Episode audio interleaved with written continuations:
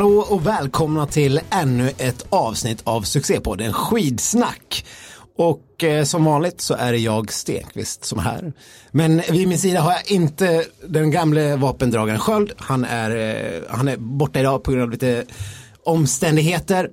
Istället har jag eh, två fullgoda ersättare. Välkomna Malin Wahlberg och Kristoffer Bergström. Tack så mycket. Tack så mycket. Jag har varit med en gång förut för, för länge sedan. Ja, det har det var ganska kul. Och så tänkte jag att det här kan vi fortsätta med. Så Ja. veckan efter hörde jag om så, det var ju kul, man kanske kunde fortsätta så. Ja. Så fick man så här svar att nja, vi kanske inte blir något den här veckan. Så såg man en poddspelare, jo det kom visst ett avsnitt där. så, två veckor senare, den här veckan kunde det vara kul ha med, det passar i mitt schema också. Ja. Ja, vi funderar på att lägga ner, så kom det ett nytt avsnitt. vet, det har det gått något år här. Ja. Och, Ja. ja, och nu är du med. Malin, hon var med för ett par veckor sedan. Hon, Ja, hon är ja, redan med. snabb comeback. Ja. Jag vet inte vad skillnaden är där riktigt. jag förstår precis hur ni ser på mig. Ja, och det är lite med skräckblandad förtjusning för det kommer ju ett moment i det här avsnittet som jag, jag vet inte riktigt hur jag själv kände, det var ju min idé. Men och jag lurade med Malin och sen har vi även lurat med dig Kristoffer på det. Hur, eh, hur, hur, hur känner du inför vad som komma skall? Jag känner väl att jag, jag tyckte du var en sympatisk och härlig typ nyss och nu tycker jag att du är ett svin. Ja, ja det, det här låter som ungefär alla personer jag träffar i hela mitt liv. Men jo, vi ska alltså testa surströmming eh, lite senare. Eh, och eh, det återkommer vi till senare. Men om ni känner att det ligger någon form av eh, något konstigt skimmer över oss och vårt samtal så här är denna förväntan inför, för, för detta äventyr. Och vi, vi får inte ens göra det i vår poddstudio utan vi måste, vi måste forslas upp på ett tak här och göra detta. Eh, Men det blir jättekul, eller hur Malin? Ja, men jag ser fram emot det. Jag är från Norrland, där äter man mycket surströmming. Så jag, jag kommer fixa det här. Ja. Det går Eh, rykten att vi ska få banan till. Är detta sant? Det låter... Nej, men alltså förra gången jag var här, då laddade jag med att kolla en massa gamla VM-stafetter. Igår laddade jag med att baka Stina Nilssons bananbröd. Eller ett, ett bröd inspirerat av Stina Nilsson i alla fall. Eh, och då ville Viktor såklart att jag skulle ta med det så att eh, du kommer få testa det. Du ska sätta betyg. Det är oerhört bra poddinnehåll. Kristoffer äter bananbröd. Alltså häng kvar här det kommer bli ro- riktigt roligt kommer det bli nu. Ja men surströmmingstest, det kan inte misslyckas. Och bananbröd. Det, jag, alltså jag känner att det här är en succépodd trots att vi saknar Stefan. Eh, vi får göra vårt bästa eh, så att säga. Men eh, eh, du är sannerligen inte från Norrland, Kristoffer. Nej det är jag inte, jag är från Mullsjö. Eh, där Är det liksom antitesen till Norrland på något vis? Jag vet inte vad du menar. Men, men lite det är så som man... innersta Småland någonstans. Ja, det är Västergötland. Men det är, MSOK-stugan har vi, där åker man runt eh, när det är snö och det är det är ju alltså en eftermiddag per år ungefär så åker folk snö, skidor där. Vi är riktigt, riktigt dåliga på skidor i Mullsjö. Ja, ja men eh, du får din plats här ändå. Eh, vi ska dyka rakt in i, eh, nu har ju ni två varit helt frånvarande, men det var lite världscuptävlingar i helgen. Och där var det en viss Therese Johaug som eh, busenkelt vann eh, två stycken lopp.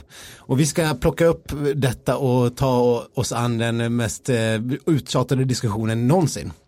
Eh, fast vända lite på den. Kristoffer, varför ska man överhuvudtaget kolla på damernas distansåkning?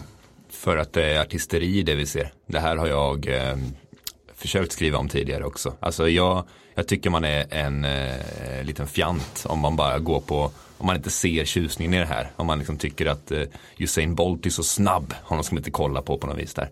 Jag tycker att eh, alla försök att eh, försöka göra om reglerna för att liksom hindra hennes framfart tycker jag är felaktiga och jag tycker att det är läckert det vi ser. Eh, inte läckert som är jättespännande men som är, ja, men som en kroppsstudie som är, som är ja, man får se hur sporten längdskidor kan utövas. Det är ju, det är ju elegant det här. Jag, jag blir glad när eh, Messi gör många mål och samma sätt här. Det är, ju- det är ju läckert. Malin? Ja men eh, absolut men eh, det är ju två olika saker. Det är spännande är det ju absolut inte så jag kan ju förstå de som sitter hemma och suckar när det helg efter helg är samma sak och det kanske är svårt att liksom då mm, och tjugonde helgen i rad liksom eh, sitta och njuta av eh, Thereses läckra åkning. Det, det är man Ja. lite förbi. Men eh, absolut. Eh, Du har, du, en liten poäng kan jag ge dig. Nej men om man ser lite, om man bara zoomar ut lite grann, klart känslor är förrädiska och så men, men alla stora idrottsmän har ju varit dominanta någon Ja gång. men det, det är klart man inte ska läckert, plocka bort henne liksom. från sporten. Det är så här, ja. det, man kommer ju se tillbaka på henne och det är liksom Eh, hon är ju, om man inte ska tala alpint, Mikaela Shiffrin som har vunnit och vunnit och vunnit och vunnit. Det är ju samma sak där, det har ju knappt varit spännande. Eh, och det är ju klart att det får, det får, man kommer ju komma ihåg dem hur länge som helst som de giganterna de är. Men man har ju hoppats och det är ju lite tråkigt när man har sett att ja, men Charlotte Kalla hon är inte ens nära. Man hoppades att Frida Karlsson skulle kunna vara med och utmana. Hon är inte med. Ebba Andersson har väl varit där och nosat men sen blir hon förkyld. Man hade ju ändå hoppats att någon av de svenska åkarna skulle kunna utmana henne. Mm. Men vems fel är det? Är det liksom Johaug som är för bra eller är alla andra för dåliga? Eh, alla är ju för dåliga nu. Eh, alla de konkurrenterna som ska hugga på henne. De har ju alla haft lite bakslag. Alltså i princip så var det ju eh, åkare 2 till 4-5 som varit borta väldigt mycket. Alltså Östberg och Ebba och Frida och ja, Kalla kan man väl räkna också där. Och så. Det är många som har varit som ska vara närmast. Så så dominant ska inte behöva vara riktigt. Men de har plockat bort hela det mittskiktet liksom. Alltså, ta Björn Borg och så tar du bort tvåan, trean, fyran och femman i världen. Om de skulle vara borta under hans aktiva tid. Ja, han skulle vara ännu mer självklar då. Eh, Men någonstans så är det en liten tillfällighet också att det är så, så dominant. Ja men alltså det var det ju inte så länge sedan vi hade en Björgen som var ungefär lika dominant på, på damsidan. Så det, det, det känns ju lite som att det är så det har sett ut i omgångar när det gäller damernas distansåkning. Eh, men just det här med Ebba, nu var det lite oflytt att hon fick skada för det känns, man har ju ändå lite grann sett att hon har eh, hon har verkligen haft någonting som kunde ha varit någonting om hon hade fått gå skadefri den här säsongen. Hade hon varit där Ja men det tror jag absolut. Det såg man ju när hon gjorde comeback också första gången att både hon och Östberg var ju de som kunde utmana Johaug. Men sen fick hon ju den här förkylningen också under touren. eh, Så att eh, hon har ju inte, det är ju liksom många av de svenska åkarna som inte har någon bra säsong. Nej.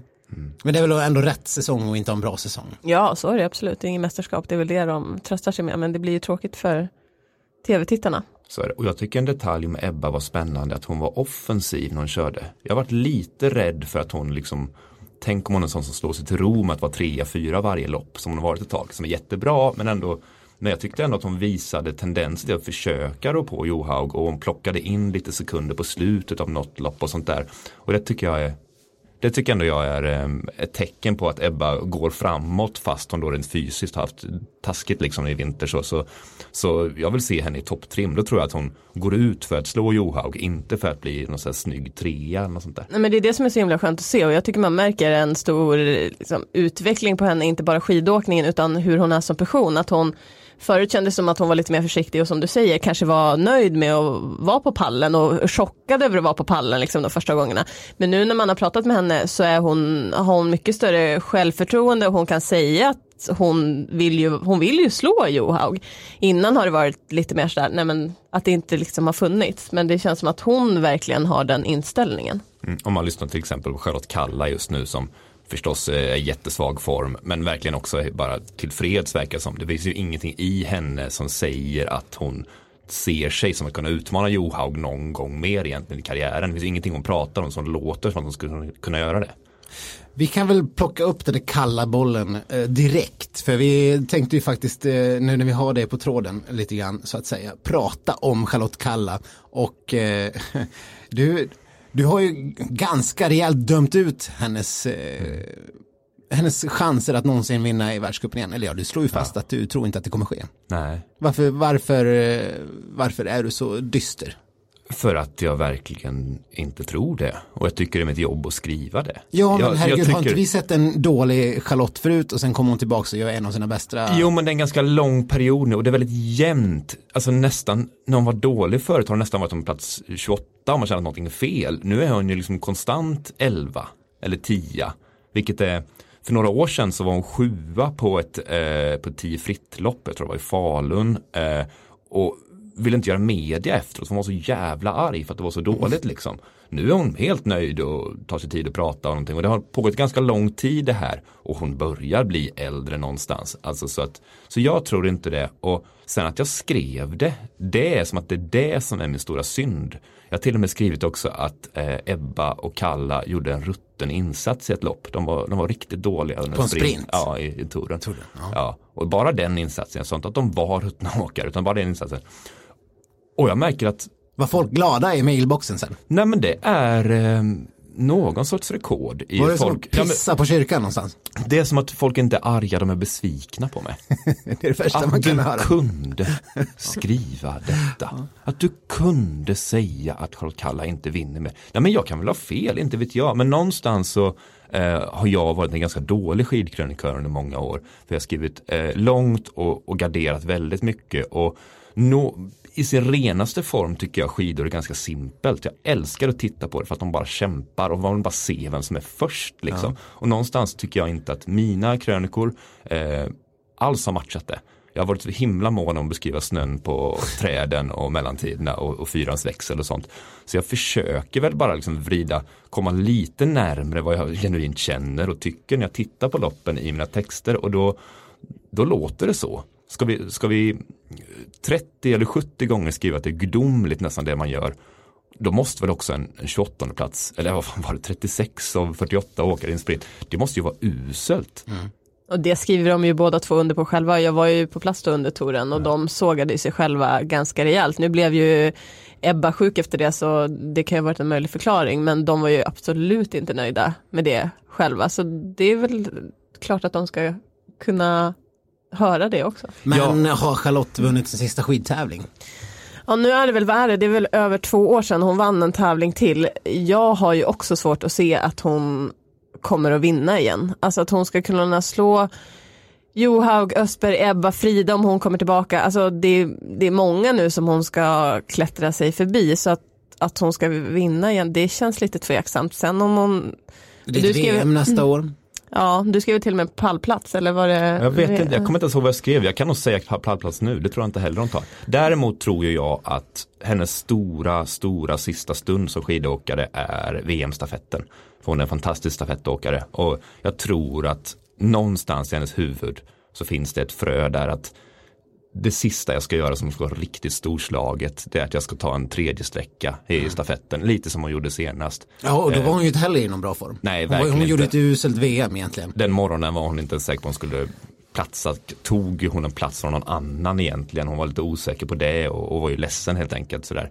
Eh, jag tror att det är den sista stora eh, kampen vi får se. Liksom, då, då rör hon sig för sista gången. Och jag, jag, jag hoppas verkligen att hennes sista triumf inte är ett tio fritt lopp där hon är ett eller två någon gång. Utan att det är en stafett där hon är, fem sekunder bättre än norskan och det räcker för att eh, vi vinner det. Ja, det hoppas man ju verkligen att hon ska ta sig tillbaka. För hon har ju sagt det själv att det känns som att det här är min nya nivå. Och det är ju otroligt eh, deppigt. Det, måste, det känner hon väl själv. Det är inte där hon vill vara. Så det gäller ju också att hon ska orka köra en säsong till. Det beror ju på om hon känner, för när man har pratat med henne, hon vet ju inte själv vad som är fel. Man märker ju på henne att hon är väldigt frustrerad över det. Så det gäller ju någonstans att hon hittar, hittar något fel om hon ska orka fortsätta. Men är inte liksom, har vi inte för höga krav på Charlotte? Hon har väl aldrig varit en segermaskin på något sätt. Hon, visst, hon har tagit några världscupsegrar men hon har ju hon har väl främst varit bra i mästerskap.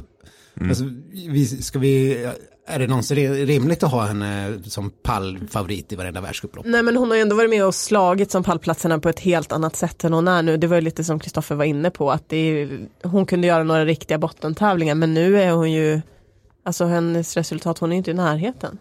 Nej, och det är stabilt där. Det är den nivån hon är på. Hon pendlar ingenting och sådär. Så, så är det ju. Hon är ju en mästerskapsåkare. Hon kan ju tajma på dagen nästan när hon ska gå ner från höjd, när hon ska vara som bäst och, och sådär. Så, så så är det fortfarande. Men, men det hon gör nu är, tror jag, lite av eh, den nivån vi får vänja oss vid i världscupen helt enkelt. Så får vi se om hon en gång till kan samla all sin kraft i den här magnifika kroppen och göra ett eller möjligen två bra lopp till den här karriären. Det låter som en sån här sista dödsryckning. Ja men jag, är- jag är där. Någonstans, ja men jag gissar ju Ja, förstås. jo, jo. Det, men jag tycker någonstans bara att, att det här är chockerande att säga tycker jag säger någonting om eh, sportbevakning av längdskidor under de senaste åren. Att, att man är så oerhört mån om att inte såra åkarna eller man är så oerhört mån om att liksom inte ta bort något hopp. Vadå, vi ska väl stå med en armlängds avstånd och bedöma vad vi ser och vad vi, hur vi bedömer det här.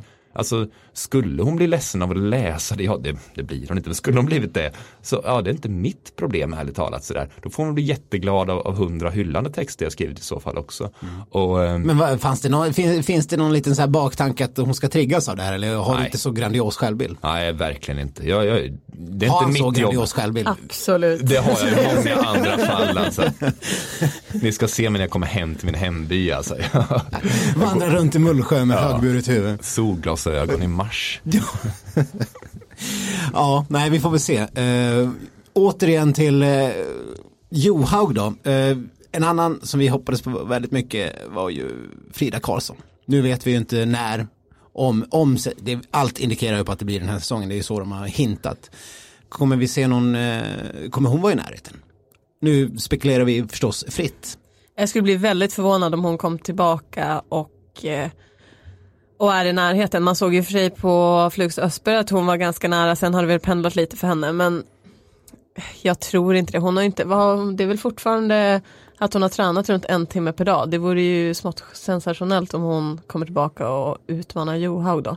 Mm. Men det är med viktigt att hon tävlar den här vintern tror jag. Att det inte blir för mycket fokus på eh, liksom, rucka 2020 då eller sådär utan att hon får komma tillbaka lite och få ta den här mediala och få snacka lite om det här och få komma ur det. Och sen kan hon få en ren nästa säsong för att på sätt och vis är ju säsongen körd för henne. Det är väl inget att säga om det men, men jag skulle bli glad om hon kommer in och, och gör en sjätte sjunde plats i distanslopp eller någonting. Det skulle jag tycka var fint liksom för att visa att jag har den här nivån och lite till i mig.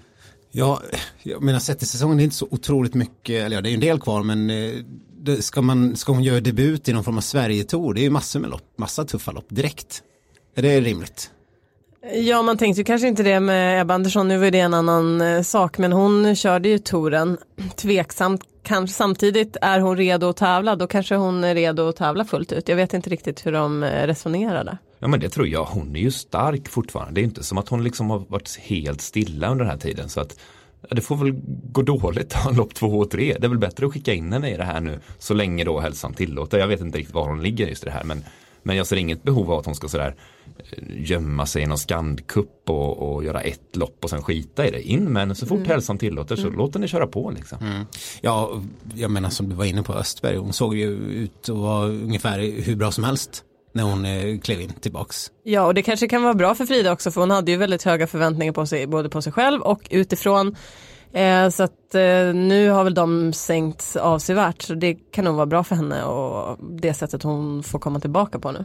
Ja för någonstans så var det ju som att innan det här hände så hade vi bilden av att okej okay, är man tvåa i VM då är man väl etta i världscupen vintern efter på något vis där. Så det, det kändes lite som ett trappsteg sådär nu och får hon lite sjätte sjunde plats nu eller liknande så har hon ganska sund då vet hon ungefär var hon ligger och vi andra vet också ungefär vad vi ska förvänta oss inför nästa vinter när det kanske då igen drar igång. Då vet vi att ja, men, hon är väl om hon är i toppslagen en given pallkandidat och i sin bästa dag kan hota om sig.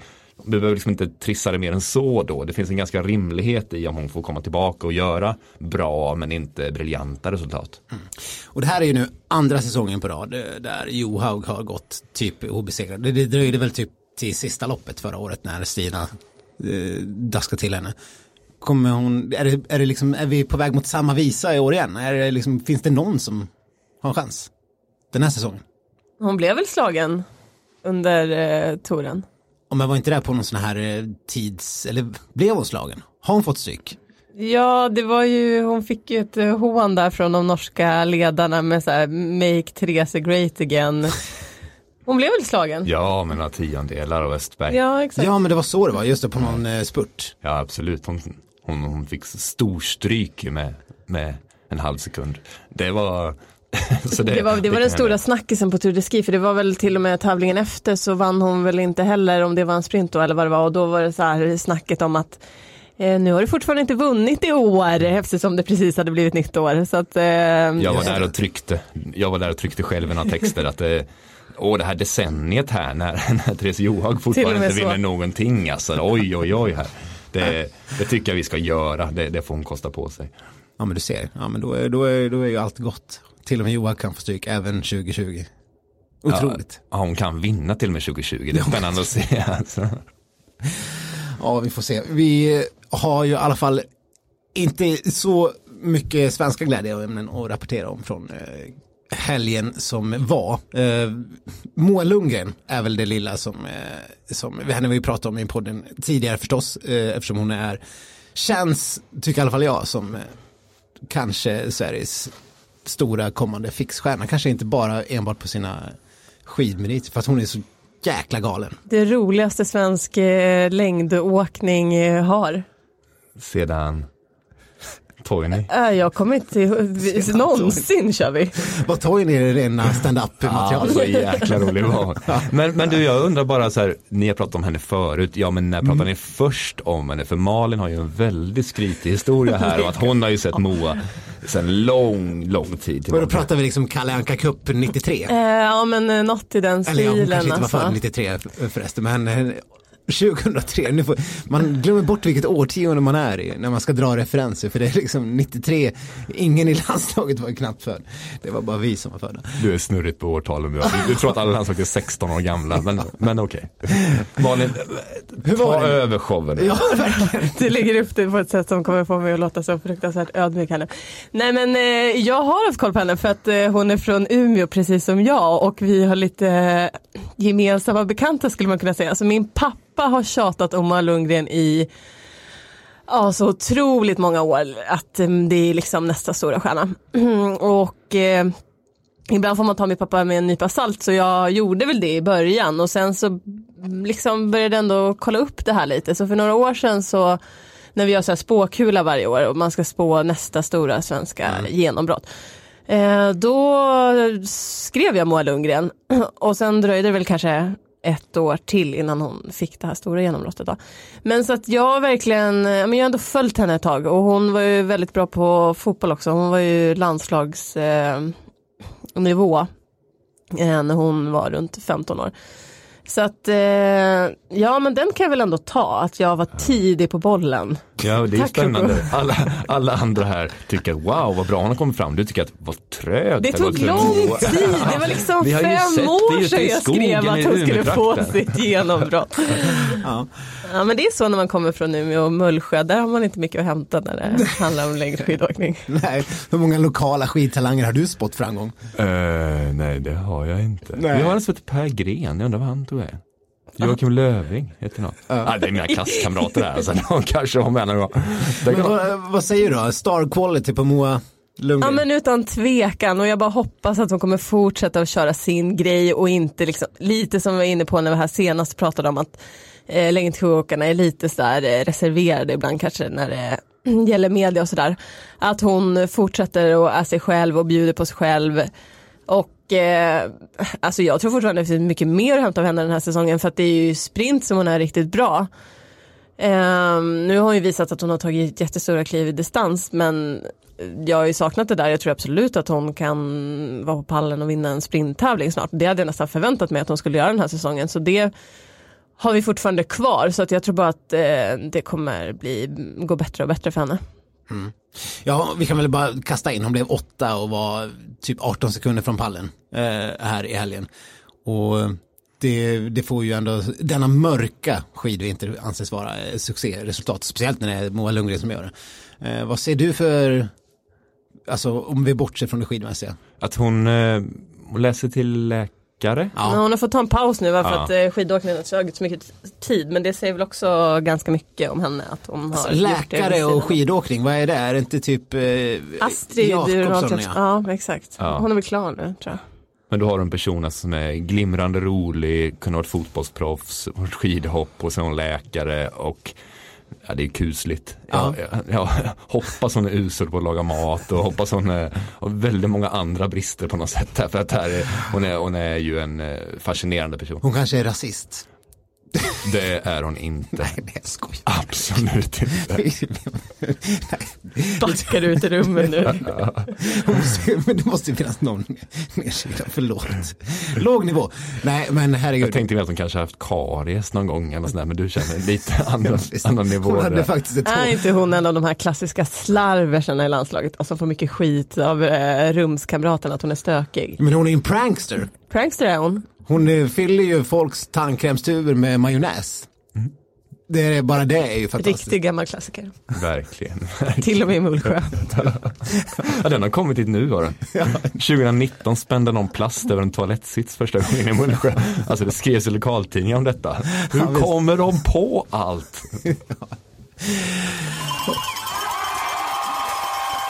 En annan som gjorde avtryck i helgen var uh, Holund. Christ, Hans-Christer Holund. Eh, lyckades eh, köra fel. Det här är en norsk, eh, lite, eh, lite norsk favoritgren. Vi har ju Heidi Weng som en gång eh, körde fel på ett upplopp och missade en klar seger. Tror jag, att det, var, jag tror det var en klar seger.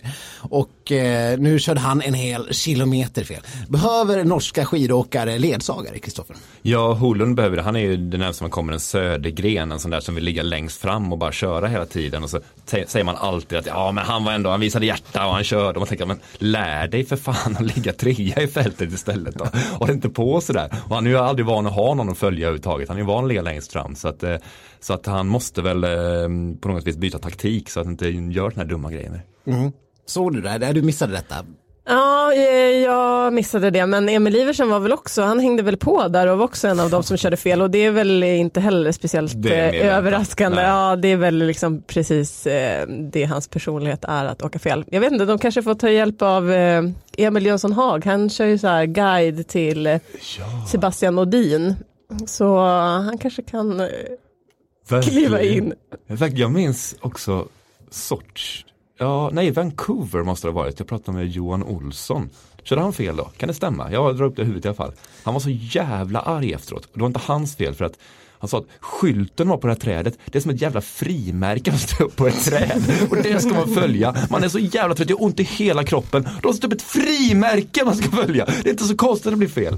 Nej, man kanske ändå kan förstå det, men alltså när man är trött och så ska du liksom byta spår varje jävla varv när man bara är inne i sin bubbla. Det är, man vill ju ha någon som står med dubbla röda flaggor och liksom. Lite eh, Top Gun-person som s- Ja, men, står och vinkar in. Ja, verkligen. Ja, men jag tycker det här händer ganska ofta. Det är inte bara Holund och Weng och ni som är ute och ser de här banorna på tourerna. Är, är liksom, eh, behövs det någon form av, eh, behöver de ledsagare som står och vinkar in? Hur krångligt kan det vara? Nej, men det var ju hjärtskärande i Pyeongchang eh, var det väl. Var det Stadlober eller var det von Siebenthal som var på väg mot medalj och körde fel. Det var ju helt fruktansvärt. Eh, Så att, eh, men bättre skyltning eller jag vet inte vad de ska Samtidigt majoriteten lyckas ju ändå. Ja, ja, ja, precis. Det sista du säger håller jag med om att Ja, man kan ju säga att man ska skylta bättre men det kanske också är en liten del av sporten. Och det är så oerhört få fall vi har så att det kanske går lite under klantkolumnen också där att är det så många som klarar av det så kanske också en jättetrött österrikiska ska klara av det. Det kanske faktiskt är som att snubbla ungefär, man får se det som det. Men eh, jag, min lilla teori är ju att det här sker ju oftare bara för att eh, och det här, eh, återigen bara en känsla, men det här är en känslopodd. Det känns som att vi ser allt fler längre lopp som går på någon form av 2,5 km slinga som de ska köra liksom sex varv eller fyra varv eller, eller fan i Holmenkollen kör de väl typ 12 varv, varv på när de ska köra fem mil. Det är ju fruktansvärt. Det är lika mycket irländsk julafton som är skidåkning, man står och snurrar runt sin egen axel bara. Är det jag som har hittat på det här eller körde man liksom längre sträckor eller längre varv förut och nu är det liksom mer publikanpassat? Eh, Du menar den här tiden när det alltid var snö på vintern och alla barn byggde sådana här kottdjur och sånt där. Ja, ja. Ja. Eh, jag har ingen aning. Nej, men det är i alla fall lite av en känsla och jag vet inte. Går det att eh, säga att eh, vi, ja, att det, att det går att göra någonting åt Nej, men- varvet? För det blir, för som tv-tittare kan jag tycka att det är lite trist. Eller är det bara jag? Nej men det handlar väl dels om snöbristen, dels att nu ska jag berätta någonting. Det är ganska tråkigt att gå på skidor. Ibland. Nej men det är ju inte Om man jämför med skidskytte till exempel som är fantastiskt. Ibland med skidor är det alltså helt enkelt man ser för lite. Eh, så att eh, jag tycker man behöver vara publikfriande i sporten. Jag tycker att man behöver lägga banor så man kan se ganska mycket av åkarna. Eh, så blir det roligare för att bra tävlingar är underbara och halvtaskiga tävlingar är faktiskt att jämföra med att ta en promenad ungefär fast man betalar inträde för det. Det är inte skitkul och man måste någonstans kunna se åkarna en hel del, det, det tycker jag. Ja men vadå, liksom Vasaloppet, eh, en skoter, är det, är det fel? Man ska eh, ge publiken ett par tusen skotrar. Och Nej, men publiken, de står, står ju där på arenan och har liksom 48 storbildsskärmar, de ser väl ändå? Va? Ja, jag har varit på rätt många tävlingar där jag står och kollar på en liten, liten display där jag får sådana mellantider så man, man ser mer hemifrån liksom. Men, eh, men visst, okej, okay, så kan det vara. Eh, för att backa tillbaka till grundfrågan så tycker jag att ge mig eh, åtta felkörare per tävling, ge mig 200 per säsong, då är det ett problem. Har vi en per vinter, två eller tre, då är de klantskallar än så länge. Det bara då, kul för oss egentligen. Jag tycker faktiskt mm. det. Du sa hjärtskärande och så hånflinade. det såg jag. Det såg inte äh, lyssnarna det här men. Åh stackars österrikiska som började skratta. Det tyckte jag var lite konstigt. Det var bara en OS-medalj. Ja det var bara en OS-medalj. Nej men man led ändå lite med henne då. Det gjorde man faktiskt. Men okay. i världskuppen är det kul när det händer. Speciellt när det är Norge.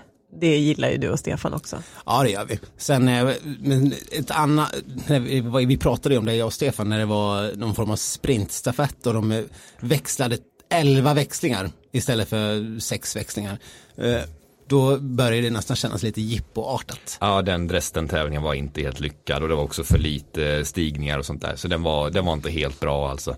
Och därtill då, de här 11 växlingarna så var det också ett par två branta kurvor där alla var tvungna att visa hänsyn till varandra. Ja. Så att de åkte liksom på 100 meter och så bara, nu pausar vi allihopa och så går vi runt kurvan. Och så åker vi 100 meter och så pausar vi och går runt och så växlar vi.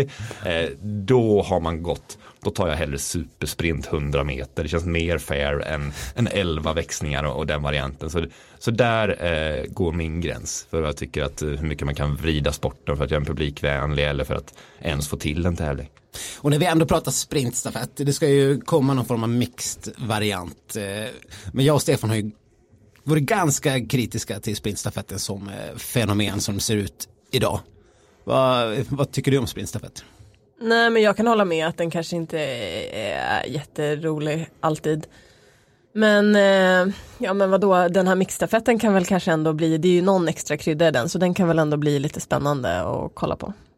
Nej, jag tyckte den ska strykas från början. Eh, sprintstafett semifinal, det är ju, det är ju hemskt helt enkelt. Ja. Så kan vi inte ha det. Eh, jag vill eh, rensa hela OS och VM-programmet och liksom börja om och placera ut pjäserna från början. För nu när vi sitter i det här härvan med, med skiathlon och allting så måste man liksom, då fastnar man lätt i så här ganska så petitesser, ska det med eller inte, ska det med. Jag vill bara rensa, dra bort allting och så börjar vi om och så placerar vi ut sprint, måste vara med. 10 kilometer både herr och dam, ja tack. Och sen 3 eller 5 mil vet jag inte riktigt någonting av det. Eh, där är grunden i skidåkningen. En stafett förstås också, en riktig stafett. Lika långt för både herr och dam, självklart. Mm. Eh, då har vi fyra grenar. Därifrån, vad är femte? Ja, jag pendlar liksom någonstans mellan antingen kanske en skiathlon eller kanske supersprinten. Att den ska in där. Alltså någonstans. Vad är... Du vill ha supersprinten alltså? Ja men på sikt kan jag tycka mm. att den, för den är en helt annan sorts skidåkning. Jag tycker det är farligt eller dåligt när samma åkare vinner alla discipliner. Eh, nu är det lyckligtvis så att Johaug inte kan sprinta. Men alltså, lite i grunden så tycker jag inte om att det är samma åkare som vinner. Så att jag kan tänka mig, vi kan inte ha för många grenar i skidor på, på lång sikt. Så, där. så att, eh, så att eh, fyra stycken är en grundpelare, sprint, tio och sen då fem mil eller vad, vad är som är rätt. Det är jag inte säker på. Tre eller fem mil för dam och herr. Det är viktigt att det är samma, lika långt också. Mm. Och en stafett. De fyra måste vi börja med någonstans. Och så får vi därifrån snacka om den femte, vilken vi tycker främjar en annan sorts skidåkare. Och jag är inte hundra på att till exempel om tio går individuell start kan det vara också en, en skiathlon då som är, eller en, ja, som det är först i mål också, någonting sånt där som är femte grenen. Men, ja. Eh, men sprintstafett det är liksom nummer åtta, nio på min lista, eller tio, den, den ska så jävla långt bort. Nej, ingen kommer väl gråta om den eh, tas bort. Så Nej. Låter som hela studion är fylld med Petter Northugs eftersom han eh, dömde ut sprintstafetten fullständigt. Sa att ingen bryr sig om. Ledare bryr sig inte. Och aktiva bryr sig inte. Publiken bryr sig inte. Petter Northug är en Malin Wahlberg. Det är Malin som sagt det här väldigt länge nu och så Petter har lyssnat till slut. Maja Dahlqvist bryr sig väl, det är väl hon som har det här eh, världsrekordet eller vad vi nu Så fem i rad eller något. Mm. Ja det är galet. Eh, så, så, så, det, så länge hon vinner kan vi väl behålla den på programmet i alla fall. Men mer mix då? Ja, vi får väl ge det en chans. Jag vet inte, jag är inte, ja men det blir, ni hyllade väl det senast jag var här har jag för mig. Ja, men alltså i skidskyttet är ju det är grymt kul med mixed. Jag älskar mixed. Mer mixed. Det kommer ju dessutom göra att kanske eh, vi kommer ha jämnare stafetter till exempel i de fall där länder inte har fyra bra åkare eh, på damsidan eller fyra bra på herrsidan så kanske fler nationer kan vara med och konkurrera, tänker jag i alla fall.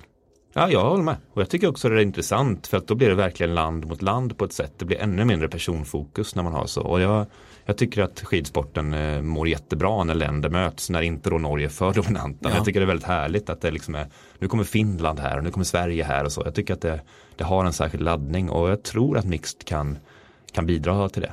Men varför är det så att eh, skidskyttet, de, eh, de är ju verkligen, eh, de vågar ju ta ut svängarna. De testar eh, mixtafetter och så nu har de testat singelmixtafetter singelmixstafetter och det kan man väl säga lite vad man vill om. Men det är ändå, det är bra tv nu. Nu är ju i och för sig skidskytte mycket bättre tv än vanlig längdskidåkning. Om man får vara sån. Men, eh, Men du driver nu tesen att längdskidor är konservativt och inte vågar testa någonting nytt. Det är en eh, jättesvag tes. jämfört med, med Ja, men vad fan, jag stod i Schweiz och de hade gupp, alltså de sprintbana med hopp och gupp och grejer hade de i sprinten bara för något år sedan liksom. Och folk ramlade och hade sig och sa att det var bra. Nej, det var, de, längdskidor har ändrat format mycket mer än vad skidskytte har gjort senaste, om man ser på 10-20 års sikt. Sådär. De ändrar ju hur mycket som helst, hittar på och ändrar och lägger till skidbyten och stakzoner och mäta stavar och Ja, byter men stafett. stakzoner, det är ju inte, det är ju själva essensen av konservatism. Att införa stakzon. Ja, men att införa en regel någonstans, inte bara låta det vara. Alltså det, det är någonting man måste ha massa konstiga regler, de måste byta format väldigt mycket. Alltså jämför ett OS på 90-talet mot OS idag så är det helt andra distanser man kör. Det är helt olika vad man gör. Och det här med skidbyten är ju också en sak som är, som är tämligen nytt. Och det är ganska mycket som är nytt liksom. Det är ju inga sporter. Vi pratar om eh, att eh, backhoppning har en V-stil eller en floppstil, höjdhopp, ja men det är så här 40 och 50 år sedan. Alltså, vi fick skaten fick vi. Eh, Det är inte det enda som har hänt direkt i i längdskidor. Det, varje år görs de jätte, jättemycket och jag tror att man måste liksom tvärtom börja ta ett Alexander-hugg och bara liksom skicka undan det. Vi har, vi har varit snett ute på det här. Vi måste hitta en renhet i vår sport. Vi måste hitta några saker man tävlar i så, så folk känner igen sig lite. Men i det då, när man väl gör det och har en, liksom en vit tavla framför sig. Ja, men fan mixed. Ja, det, det är jag inte emot alltså på något sätt. Där. Men, men det här småduttandet som jag kom, det var inte riktigt bra. Det tror jag inte är, är lösningen. utan Men måste- finns det inte det perfekta programmet? Det måste det väl göra? Någonstans. Ja, det gör det nog. Och, och i det till exempel tycker jag var fint eh, nu i helgen att man kör ett lopp och så kör man jaktstart på det. Tycker jag är, eh, i världscupen tycker jag det är bra. Eh, att Johaug vinner, självklart är det, tycker jag inte, alltså det talar inte emot det, det är bara för att hon är så bra ju. Fast hur bra är det med jaktstart egentligen? Jag, eh, jag hade någon form av tanke om eh, eller, tidigare att jag tyckte att jaktstart, att det var så jävla tråkigt att de införde dubbeljakten eller skiathlon som vi normala människor kanske ändå måste säga. För att eh, då försvinner den gamla heliga jaktstarten. Men den är ju så jäkla orättvis egentligen. Dels så måste du, du får inte ha någon vallare som har liksom fuckat upp din dag innan. För då, har- då har du fått två lopp i ett mästerskap förstörda i ett slag. Det är ju bara taskigt. Och, och sen eh, om man har en Johaug då blir det ju ännu mer ointressant lopp dag två. Eller hur? Ja, alltså jag tycker liksom i teorin att jaktstart är kul just för att det skulle kunna hända mycket. Men eh, kollar vi på helgen så gjorde det väl inte det utan då var väl både på dam och herrsidan segrarna väldigt överlägsna och det blev inte speciellt spännande. Så det är väl kanske också något som eh, man ska fundera lite över. För det var ju verkligen så, det var ju ganska många som var inne på det efter lördagen att jag kan lika gärna åka hem nu för att det var en helt bortkastad eh, tävling dagen efter. Jo, men för mig där så är det inte en mästerskapsgrej, för så lätt ska man inte ge ut medaljer. Men jag tycker världscupen tycker att det har en poäng. Ehm, och inte baserat på kort sikt nu, hur det gick senaste veckan, utan om man zoomar ut lite tycker jag det finns någonting där. Och det ska finnas spurtfantomer och det ska finnas gnetare som, som är bättre individuell start och sånt där. Så att jag, jag ser jag, i teorin ser jag att det känns spännande på något vis där och jag tycker inte, jag vill inte bara ge upp den tanken bara för att jag inte fick någon vatten på min kvarn den här gången. Min, min kvarn var snustorr. Ja, men just det här, nu är det ganska få, är det, är det en eller två jaktstarter på en säsong? Eh, den här, och det är ju lite ett problem tycker jag med skiathlon. Det är någon form av mästerskapsgren som är återkommande på alla mästerskap. Men eh, nu i den här säsongen tror jag vi har haft två, vi kommer ha två skiathlons totalt. Ja, man får nog skrota den som man ska vara ärlig för att det är, heller, det är väldigt sällan det finns eh, nu för tiden en klassisk specialist och en fristilsspecialist. Det blir liksom inget ryck av ena klungan så kommer andra gänget i kapp så blir det ju aldrig. Och man har ju en, en, gammal grej om varför vi har kvar klassisk skidåkning som är lite konstig. Den är dels resurskrävande, mycket valla och grejer. Och det är för att man vill ha en koppling till vad folk gör själva ute i skogen. Att man, det ska se ut ungefär likadant. Eh, och men vadå, vill du skrota klassisk åkning helt? Ja, det vill jag.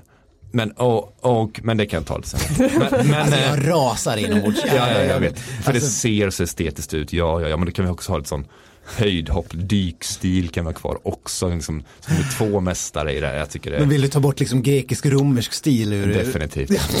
ner med skiten bara, ner med motståndaren. Den som ligger och förlorat. Det vill jag ha drottning. Ja. Så vill jag ha det. Ja. Absolut. Eh, och inte de här bolldragningarna och skiten. Nej, eh, nej jag, vill, jag, vill, jag tycker man har slavat bort sig själv i längdskidåkning på lite längre sikt. Liksom. Man måste hitta någon renare. Och vi ska inte ha massa olika klasser och sånt. För det är så rent och enkelt. Och just då skiathlon där är ju väl, för det är ju en tredje sorts material, det är en sorts dubbelpjäxa som klarar av båda två och det finns ju ingen aktiv, alltså ingen vanlig motionär idag som bara, jag ska köra lite motionera lite skiathlon. Jag tar mina tredje varianten av pjäxor här, som är halvhårda och, och så tar jag dem och så ska jag byta efter ett tag för jag har lagt ut skidor ute i skogen där ute jag ska byta till. Där tycker jag liksom att då har man, då har man svävat iväg helt och hållet eh, och då tappar man bort sina egna argument. Var det inte just, har vi inte kvar klassiskt just för att ha koppling till dem?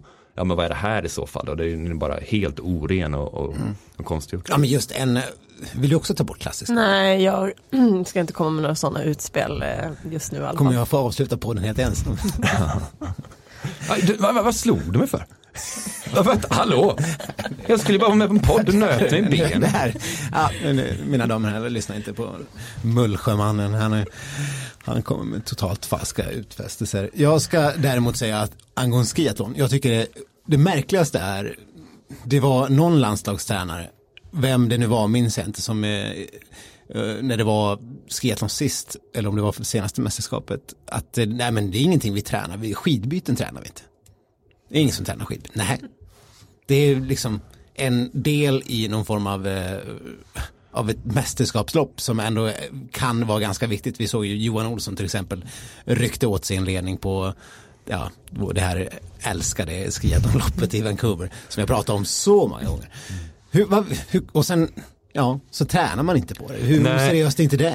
Nej men det vet jag, ja, förlåt, vill börja. Nej men i Lillehammer då var det väl en skiathlon va? Och då Moa Lundgren hade aldrig kört den så hon innan, liksom dagen innan på uppvärmningen då testade väl de skidbyte, några av de här nio åkarna för första gången. Så det är väldigt uppenbart att de inte tränar på det. Sen är det klart att det kan ju hända mycket där i, i bytet. Ja, men framförallt om det vore individuell start kanske.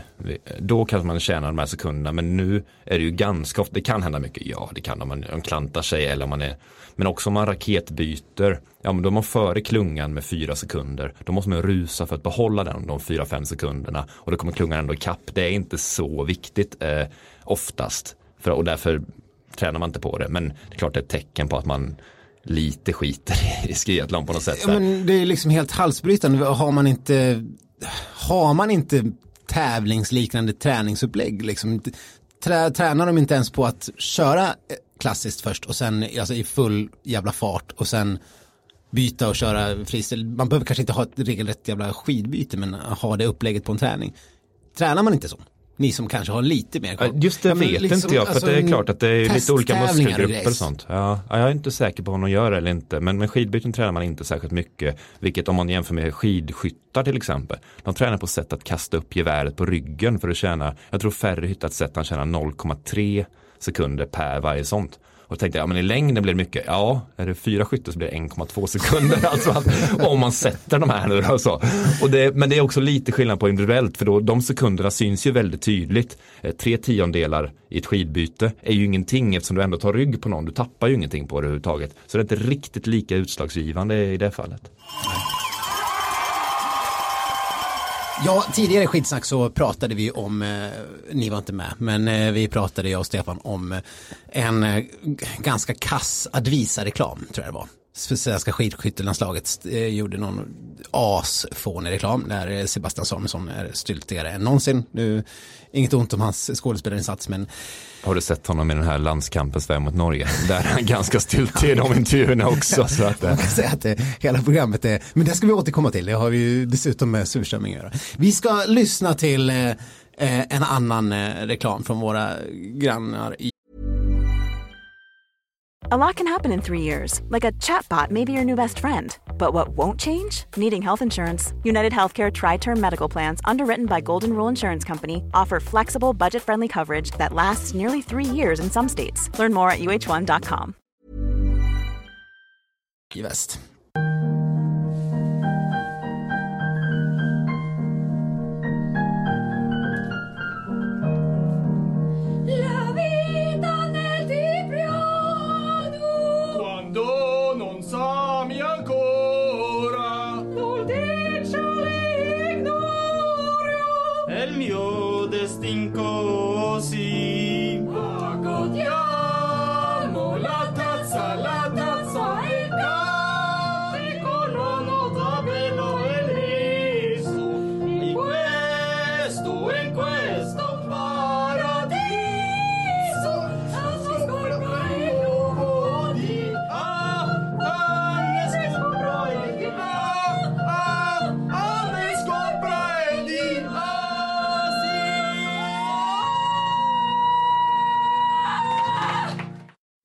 Malin, vad var det vi hörde? Nej men jag vet inte, vad fan var det vi hörde? Jag var chockad när jag såg det här igår på Instagram. Men det är väl någon slags eh, opera då med Therese Johaug och eh, hon bildade väl team med mm, Niklas Dyrhaug mot Kläb och eh, vem hade vi mer? Var Terje det... Ludnesväng va? Ja. Där de kör någon slags eh, operaduell och man får ju verkligen ge dem att de går eh, all in i, nu ser ju inte ni det, men full utstyrsel och väldigt mycket inlevelse på båda lagen. Jag förstår absolut inte hur de har gått med på det här och eh, inte heller hur de liksom kan genomföra det här utan att bara bryta ihop. Man tänkte ju att eh, surströmming är det värsta du ska utsättas för idag. Men, men snälla, varför gjorde du det här? Vi vill inte höra det. Det var ju hemskt. Ja, det var hemskt, men cashen ska in. Herregud, det enda vi har i Sverige är ju liksom eh, Charlotte Kalla som eh, borstar tänderna med Oral B. Är det, är det verkligen det bästa vi kan få? Man, man vill ju liksom, man saknar Gunde Svans grötätning i Men tv. Kalle Halvarsson har ju försökt och liksom hans eh, video där, nu var inte det reklam men han är ändå, för det är ju lite det här att så här, som jag ändå eftersöker att åkarna ska bjuda lite mer på sig själva och det kan man ju verkligen inte klandra de norska åkarna för att de inte gör, för det gör de ju verkligen. Och som sagt, Halvarsson försökte ju, eh, det gick ju jätte, jättedåligt så att jag, Vad var det liksom som gick så dåligt med det? För de som inte har sett det. Ja, men vad gjorde han? Han kräktes på Kläbo och sågade huvudet av, eh, var det Kläbo också? Det var, alltså han, det var ju en rapvideo. Han sjöng om hans lilla pillesnopp. Ja, och det var väl någon slags ändå försök till parodi på hur Ja. rapplåtar är. Men han fick ju så otroligt mycket skit, eh, stackars Kalle. Som han Eh, lassade rakt över till eh, Bryntesson. Eller hur? Han fick ta hela, Ja, det kändes som att det var lite så här kylig stämning mellan dem sen under mästerskapet. Nu tar du i, inte var det väl det. Men De känns- tittar inte på varandra. känns inte som att Bryntesson kanske bryr sig så mycket om man får den lasset av Kalle Halvarsson. Men, eh, Jo men det tror jag tog lite. Tror du? Jag ska inte kunna bedöma för mycket men det var hårt mellan dem. Det var det. Jag tror inte Brynt var så glada att Så det, det blev ju helt fel och, och de, de träffar ju inte rätt överhuvudtaget med videon. För, för som Malin säger så som parodi tycker jag det- är kul att göra en parodi och ta i alldeles för mycket. Men de tog i för lite för att det skulle bli parodi och för mycket för att det skulle vara bara en skämtsam video. Det blev liksom mittemellan. Där det var roligt om han hade slutat med att säga att han har vunnit 11 OS-guld och Petter har inga guld. Alltså man fattar att han liksom är helt bara hittar på nu till slut. Då hade man kanske kunnat dra hem det här. Nu blev det liksom precis mitt emellan och därför blev det så läskigt att se på det. Nu skojar de om sexism men det blir ju bara sexistiskt. För de måste ju vara mycket grövre i så fall om det ska funka. Ja. ja, nej det var väl inte helt rätt. Men när vi är inne på detta ämne, jag, jag- har ändå fått lite av intrycket att ni kanske tycker att nu lägger jag ord i era mun, men att eh, svenska skidlandslaget eh, i olika former kanske inte är riktigt lika bra på att, att bjuda upp som det norska skidlandslaget. Alltså mediestrategierna verkar vara lite olika. Ja, men jag upplever det ändå lite så att eh, de norska åkarna kanske bjuder lite mer på sig själva, svingar lite mer. Sen som vi var inne på, Moa Lundgren och några av de här yngre åkarna som kommit in är ju roliga liksom och bjuder på sig själva. Frida Karlsson var väl också rätt eh, bra ändå på den biten och har väldigt mycket självdistans och sådär. Så att eh, det är ju positivt och Kalle är ju som sagt, han är ju en av dem som säger lite vad som helst och inte bryr sig så mycket. Men överlag så känns det som att Norge har fler och att de har lite en annan eh, inställning. Alltså det här är ju förbundet som står bakom den här reklamen så att eh, det känns som att de tänker lite annorlunda där. Ja, jag bara stryker under det Malin säger. Jag håller med. Men vad är, är, det, är det liksom svenska skidförbundet som är eh, för, eh, för stockkonservativa då eller är, det- är det norska som är jag menar, det, ändå, det, ändå, det måste ju ändå på något vis vara positivt att eh, se de här stjärnorna ut och jönsa sig i olika sammanhang.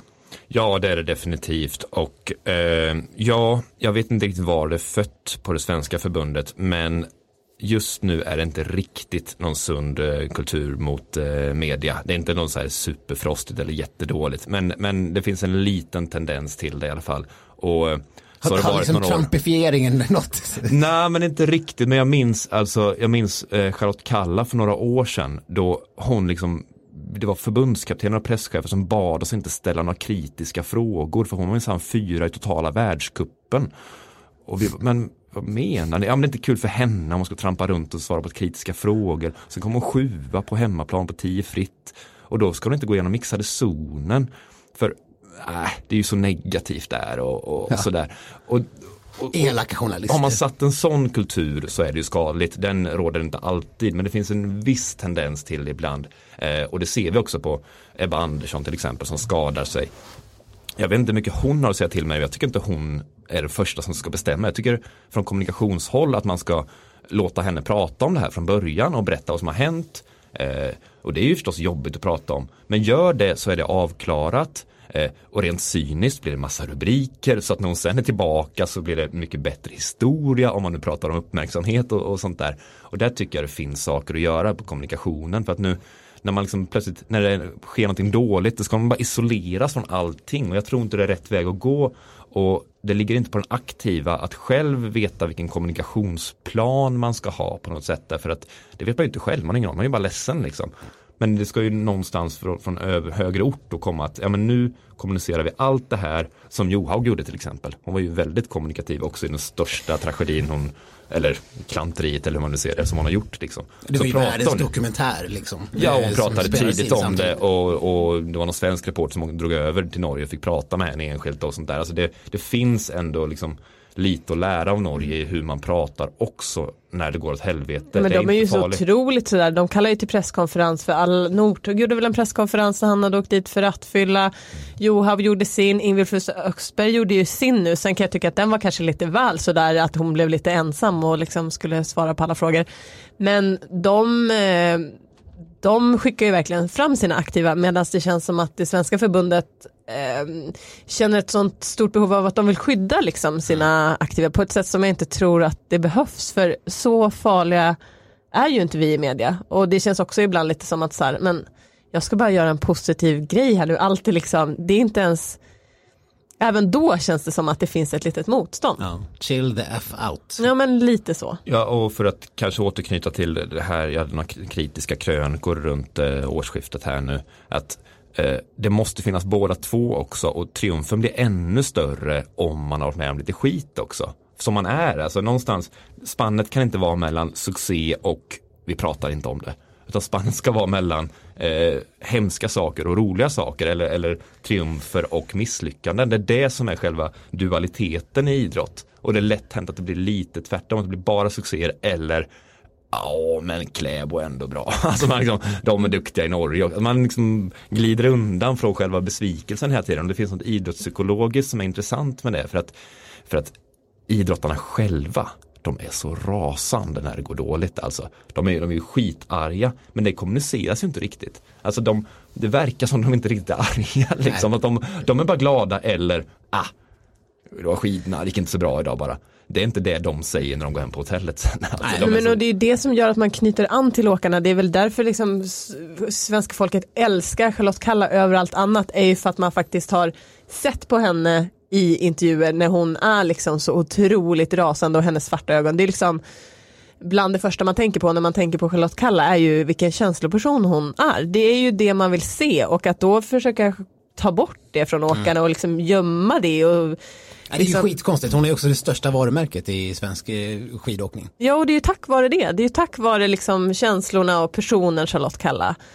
Det är ingen som tycker att det är kul med någon som bara är så lyckas hela tiden. Alltså Johaug har ju fått ett, det som hon gick igenom har ju gett henne ett djup som hon absolut inte hade innan det och det gör ju henne mer intressant. Alltså så är det ju med alla. Ja, och titta på eh, Thomas Wassberg, titta på Peter Forsberg, vad hade han varit popularitet utan det här jävla Börje-klippet? Alltså någonstans så hjälper det jättemycket Ja. och, och det är väldigt, eh, ja, man ska inte rensa undan de bitarna här. Och jag fattar inte heller för det måste ju ändå alla skidåkare, 100% är ju också företag. De har ju sina egna företag där de, eh, där de kör sina reklamkontrakt och sponsorskit och hit och dit. Så det betyder att varje enskild skidåkare är ju ett företag någonstans och där är det ju verkligen så att all publicitet är bra publicitet och man måste ha någon form av story för att bygga upp företaget eller personen. Ja. Och, och då, att skit, alltså åkarna själva borde ju liksom, jag kan ju tycka att de borde göra mer, nu är inte jag ute och träffar dem så jag behöver inte ta, jag kan säga det rakt ut.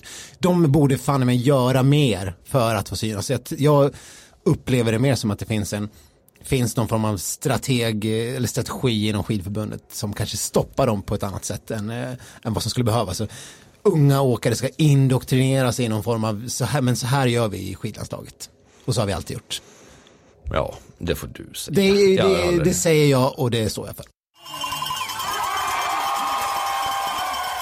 Ja, det är dags att eh, för tredje gången återvända till Skidsnacks lilla tv-hörna. TV-hörnan avhandlar du alltså tredje avsnittet av eh, TV4s slash TV2s eh, Ja, jag säger landskampen för att det heter så på TV2 där jag kollar på den. Men i Sverige heter det, vad fan heter det i Sverige? Sverige mot Norge va? Sverige mot Norge. Eh, ja, har ni sett det här programmet? Nu har Ja, jag, f- jag, dig har jag tvingat att se tredje avsnittet. Får jag börja? Alltså man har väntat på det här programmet i, vad är det, typ ett halvår innan det kom eh, på svensk eh, tv. Och ändå haft liksom, jag gillar den här typen av program. Jag har haft höga förväntningar. Men vad är det här? Alltså varför har man inte gjort någonting av det? Man har liksom Petter Northug, man har Charlotte Kalla, man har Therese Johaug, man har liksom världens bästa åkare där. Med så här super stories. Men det är så otroligt grunt. De bara, okej nu kanske det kommer mer, det har bara gått tre avsnitt. Senaste avsnittet var väl ändå ett litet fall framåt när man ändå grottade ner, nej grottade ner sig gjorde man inte, men man ändå gläntade lite på dörren till eh, Therese Johaugs eh, doping eh. Man trodde ju dock att det skulle hetta till mer efter trailern där man trodde att det skulle bli lite ordkrig mellan Ja, eh, Sebastian Samuelsson, när han, de, har, de har kört det så stenhårt när han eh, säger någonting på ja det vore jävligt konstigt om du inte skulle få något straff. Ja, och sen var det en total besvikelse när hon bara höll med till Ja, 100 så var det procent så slut. blev det ingenting utan det var bara mysigt och allting var bra stämning och alla, och Therese vore woman liksom. Eh, Alltså jag fattar inte varför man inte har gjort mer av det. Jag är superbesviken. Jag fattar varför TV4 väntade liksom ett halvår innan de kände att så här, ja vi behöver inte. Det är ju också så Norge, det är Norge som har producerat allting. Ja. Är, Sverige är bara med på ett hörn känns det som. Ja, det är undermåligt. Men det är ju någon sorts pornografi för folk som går igång på slow motion. Det har ju jättemycket.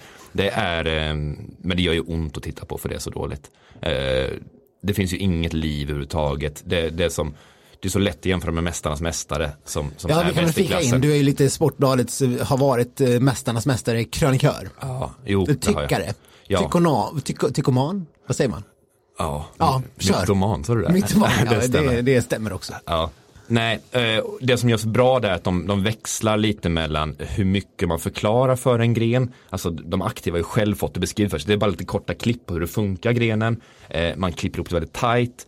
Här tog det en kvart innan grenen började och det var en jävla hinderbana. Och så ska man in med så här kommentatorer som liksom i efterhand kommenterar och det är så falskt. Ingen köper att det skulle vara live där med, med Lasse Granqvist och Bryntesson.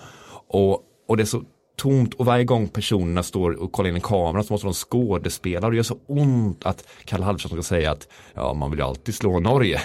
Petter är ju, allt är falskt. Det är bara helt, det är inte manus men det är så otroligt regisserat. Och jämfört med Mästarnas Mästare så är de stora stunderna ju alltid när folk pratar med varandra. Och här finns ju inget av det. Alltså, Nej men det sitter ju, programledaren sitter ju med under middagen och styr samtalet. Det är också sådär, varför kunde de inte varför kan de inte bara få sitta där själva och så får man höra vad de snackar om. Sen kan man ju ändå, det gör de väl säkert i Mästarnas mästare också, leder in dem på ett eh, samtal. Jo naturligtvis, men nu är det så här det mest givna. Nu ska vi prata om Petter, att du spurtas förbi många och varit lite hånfull. Har du varit det? Ja det har jag, det är kul. Och så ska, det är så otroligt tomt. Det, det är, eh, nej men det är ett svart hål hela programmet. Eh, det, nej, det, det är miserabelt tycker jag. Ja, härligt att vi ska ha det här. Den här tv-rutan i sju avsnitt till. Men vad fan, vi kör. Nu ska vi ändå prata lite grann om just det senaste avsnittet. Du, du kanske inte har sett det, Kristoffer, du får hänga med. Eh, Malin, eh, vad säger du? Men jag var lite inne på det där att de avhandlade ju Joa Haug, det var ju liksom hennes avsnitt där då vid Ja. middagen.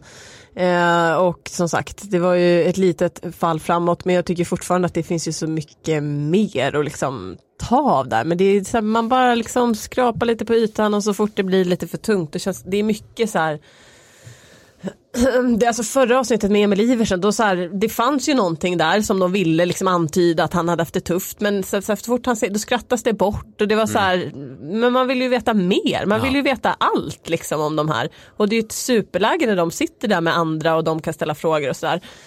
Eh, Nu var det väl lite mer så men som sagt man trodde att det skulle bränna till mer, det var ju inte det utan det var ju, alla var ju så här, Nej, och, och- liksom det är symptomatiskt när de frågar Sebastian Samuelsson, ja men, ja, men du har ju varit eh, väldigt eh, uttalat eh, kritisk mot dopare.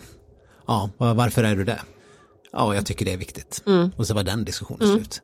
Man bara, jaha, var det var det det fick? det är så jävla grunt. Ja men det är så jävla grunt. Och jag fattar inte, det känns som att, eh, nej jag vet inte varför de inte, vågar de inte eller orkar de inte eller vad, vad, varför de inte, och det här är ingen så kritik mot dem som eh, de aktiva och plus då Northug som sitter där utan det är ju produktionen Ja. som är, Hundra procent. Vi, vi fick lite Terry Lekov-tårar. Det var, det var det vi fick från det senaste avsnittet tror jag. Visst var det Ja. någon som Fick spad i ögonen och surströmming. Nej men hon grät om eh, vilken förebild eh, Therese Johaug hade varit. Och.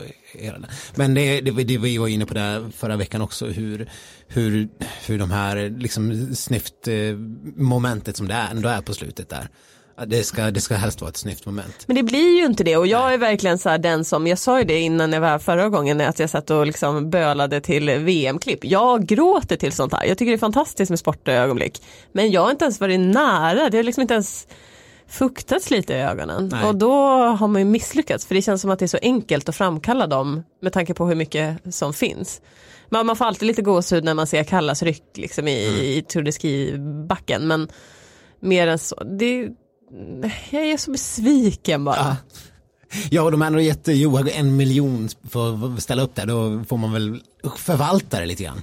Och sen märkte jag, tycker jag fortfarande väldigt tydligt att TV4 verkar inte ha någonting med det här att göra utan det är liksom, de har bara skicka över några miljoner till TV2 för att få köpa det här och sända ut.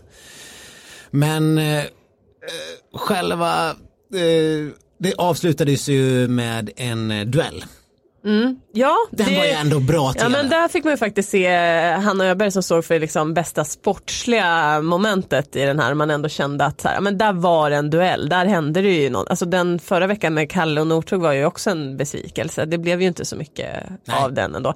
Men nu var det ändå lite mäktigt och Hanna liksom spände ögonen i Eckhoff och var stenhård. Så det, Ja, men det, jag tyckte det var bra tv, de körde en sån här jägarvila tror jag Ja. det kallas, när man sitter med benen i 90 grader mot en vägg typ. Jag Sen- håller med, det var ganska bra men resultaten var ju inte någonting heller där. Nej, Det inte de är bra gamla i. Mästarnas Mästare brukar väl stå i liksom över 10-11 minuter. Och, Är det sant? Ja, Magda och de här står ju lägre än så. Så det är inte någon bra resultat de gör. Och jämför vi med liksom världsrekord är inte rättvist. Och då står det vid 11 timmar och sånt där. Nej, det går inte att jämföra på det viset. Men nu ska Krocko stå här lite så får vi se hur Ni vet inte om det är sanning, men jag har så varit i jägarvila hela den här inspelningen. Det har ingen storlek. Nej, det har jag inte. Så jag är lite, lite flåsig så bara, bara liksom rakt upp och ner. Det är fan sjukt imponerande. Men alltså jag testade, vi testade lite där ute och jag körde 20 sekunder sen var jag på riktigt ganska slut i benen. Ja det var totalt oimponerande faktiskt. det var måste man säga. Ja, nej, men nu när man har aktiva idrottare på det här sättet så det vore kul att hitta en tävlingsform där de är i princip bäst i världen eftersom de är bäst i världen på en av de mest krävande grenarna i världen. Och det finns ju ingen som har imponerat hittills vad jag har sett i alla fall på det viset utan de genomförde eh, och jag, eh, jag håller med om allt du säger om middagen och allting och samtalen är stendöda verkligen. Eh, men tävlingarna är också alldeles för dåliga och de är för styltiga och det går för långsamt innan det börjar och jämför med Mästarnas Mästare som ändå någonstans kräver viss atletism och sånt där. Det finns ju inte här liksom. Det, det är ju riktigt, eh, det är för svagt konstruerat helt enkelt. Det är ju inte, Kalle är inte bäst i världen på att hålla upp en låda. Nej, det var, men han var bättre än Petter Northug i alla fall just då. Du, men det avslutades eh, ju med att eh, de fick ett straff. Vi har ju varit inne på hur styltiga de här straffen är hela tiden. När, när Förra veckan var det Sebastian Samuelsson som skulle berätta vad de hade fått för straff. Eh, och det, jag gillar honom men han kanske inte är någon briljant skådespelare som kan ta liksom producenternas eh, upplägg och leverera. Än. Va? Är det inte de som bestämmer själva straffen? Jag, jag vet, jag spekulerar i att de inte var till Ikea och köpte liksom en, en möbel och massa elektronisk chockutrustning. Eh, jag tror inte heller de hade med sig surströmming ner till Rhodos. För det, det var det som var straffet. Det var straffet. Där fick man i alla fall se en liten ny sida av Petter Northug, att han var så otroligt eh, äckelmagad. Det var ju, ja, han var ju lite av en drama queen där får man väl ändå säga när, när straffet skulle genomföras. Först var han ju röd och sen blev han nästan lila. Det var så Ja, han kräktes väl till och med, det var ju Ja, liksom... han kräktes, det var, det, det var också bra tv ändå. Ja, Se någon det- kräkas på surströmming, det är alltid bra tv. Ja. Eller? Vi får se, för nu ska ju vi ta skidsnack och eh, vi vi byter rum, vi byter medium lite tillfälligt. Eh, för jag hade ju en storslagen tanke på att vi skulle göra ett surströmmingstest. Eftersom eh, om Petter Northug spyr, eh, då måste vi se hur vi reagerar. Och Stefan, Jag räknar med att eh, Kristoffer kommer spy. Ja, det hoppas jag med. Vi ska försöka filma det här och hoppas att det finns ett klipp. Men vi tar väl och eh, kastar över ordet till eh, oss på taket.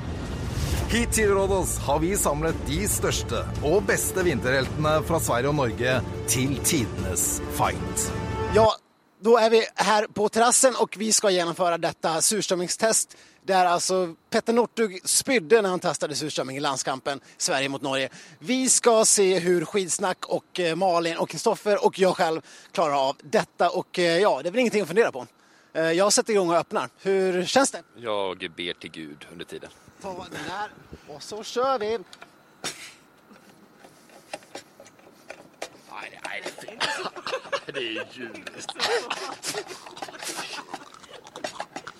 Ja, jag har kommit halvvägs runt. En viss fermenterad eh,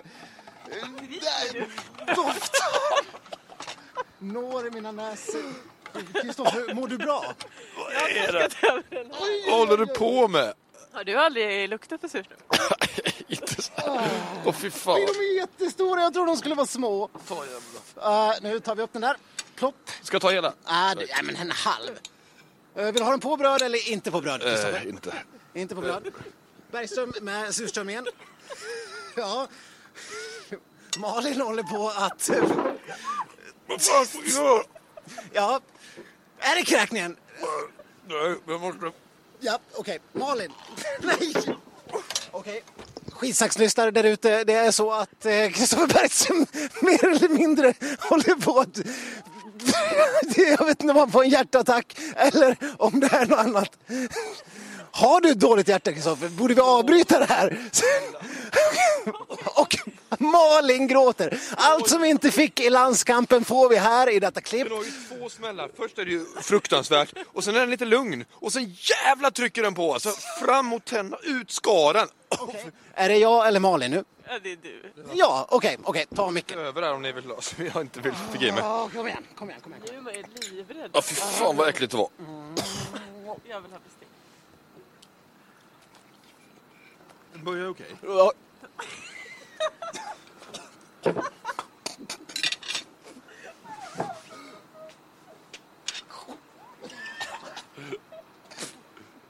Godkänt. Det var bananbröd. Ta- Ja men du är norrlänning. Här, här. Kom igen nu, kom igen nu Malin. Du är norrlänning. Nej, nej, nej, nej, jag kan inte. Jo, jo, ta det här nu då. Åh herregud. Åh herregud. Ja, det var bland det vidrigaste jag har varit med om. Jag tog alldeles för stor bit. Jag skulle ha tagit en liten bit. Nu ska vi se, Malin. Malin går iväg. Hon lämnar hela... Nej. Malin, jag tycker du ser ut lite grann som Petter Northug här. Har du tuggat ur? Nej, det gick... Åh. Du spottade ur. Du har den i handen. Den. Hon har den i handen. Och- Ska du inte skölja ner dig med lite med eh, Stinas bananbröd som du har bakat? Åh gud, jo det var det godaste jag ätit. Ge mig bananbröd. Åh fy fan. Ja, vi kan, vi kan konstatera att ingen här var särskilt mycket bättre än Petter Northug på att äta surströmming. Hur känns det nu? Är det några avslutande ord? Kristoffer kom till och med bananbrödet ut. Kristoffer? Ni hjälper mig, alltså bananbrödet smakar ju också av det här, det här pisset du stoppade i min mun alltså. Och så fruktansvärt bara. Eh, men du, du svalde din bit. Ja, lite i handen men... Men, det, men jag är besviken på Malin. Jag skäms över min egen insats. Alltså, absolut inte godkänt. Men det var fruktansvärt. Det var mycket värre än jag hade... Vad jag kommer ihåg, vad jag hade räknat med. Lukten tyckte jag inte var så farlig. Men alltså att stoppa det där i munnen, det var chockartat. Jag förstår Petter Northug, faktiskt. Jag tyckte han överdrev lite, men... Ja. Va? Nej, Det är ju kvar fortfarande doften och, och smaken. Och jag har i mina händer. Alltså, det, det känns som jag har varit liksom i avloppet rensat med bara händerna. Alltså, du vet, man ska rensa dusch. Ja, ungefär den känslan tror jag vi tar och rundar av det här surströmmingstestet och vi får väl ändå tyvärr ge Petter Northug rätt. Att, eh, ja, nej, det här var helt, helt eh, fruktansvärt. Det var det klart. Nu kan vi vänta med surströmming fram till eh, september, eller vad det är. Är det sant att ni ska klippa bort allt jag har sagt? Ni har bara med mig här för att jag skulle äta den jävla skiten. Vi ville bara ha bra tv. Men herregud, Malin och Kristoffer, gud vad roligt att ni var med. Tack för att vi fick vara med. Ja, tack. Och eh, till alla er andra som lyssnar så uppmanar jag er att eh, följa oss på Instagram eller Facebook eh, där vi finns under namnet Skidsnack eller mejla på skidsnack.aftonbladet.se och nästa vecka hoppas jag att vi har Stefan Sköld med oss tillbaks. Kanske har vi någon gäst då också, vi får se. Till dess så ta hand om er och tack så mycket för att ni har lyssnat. Hej då!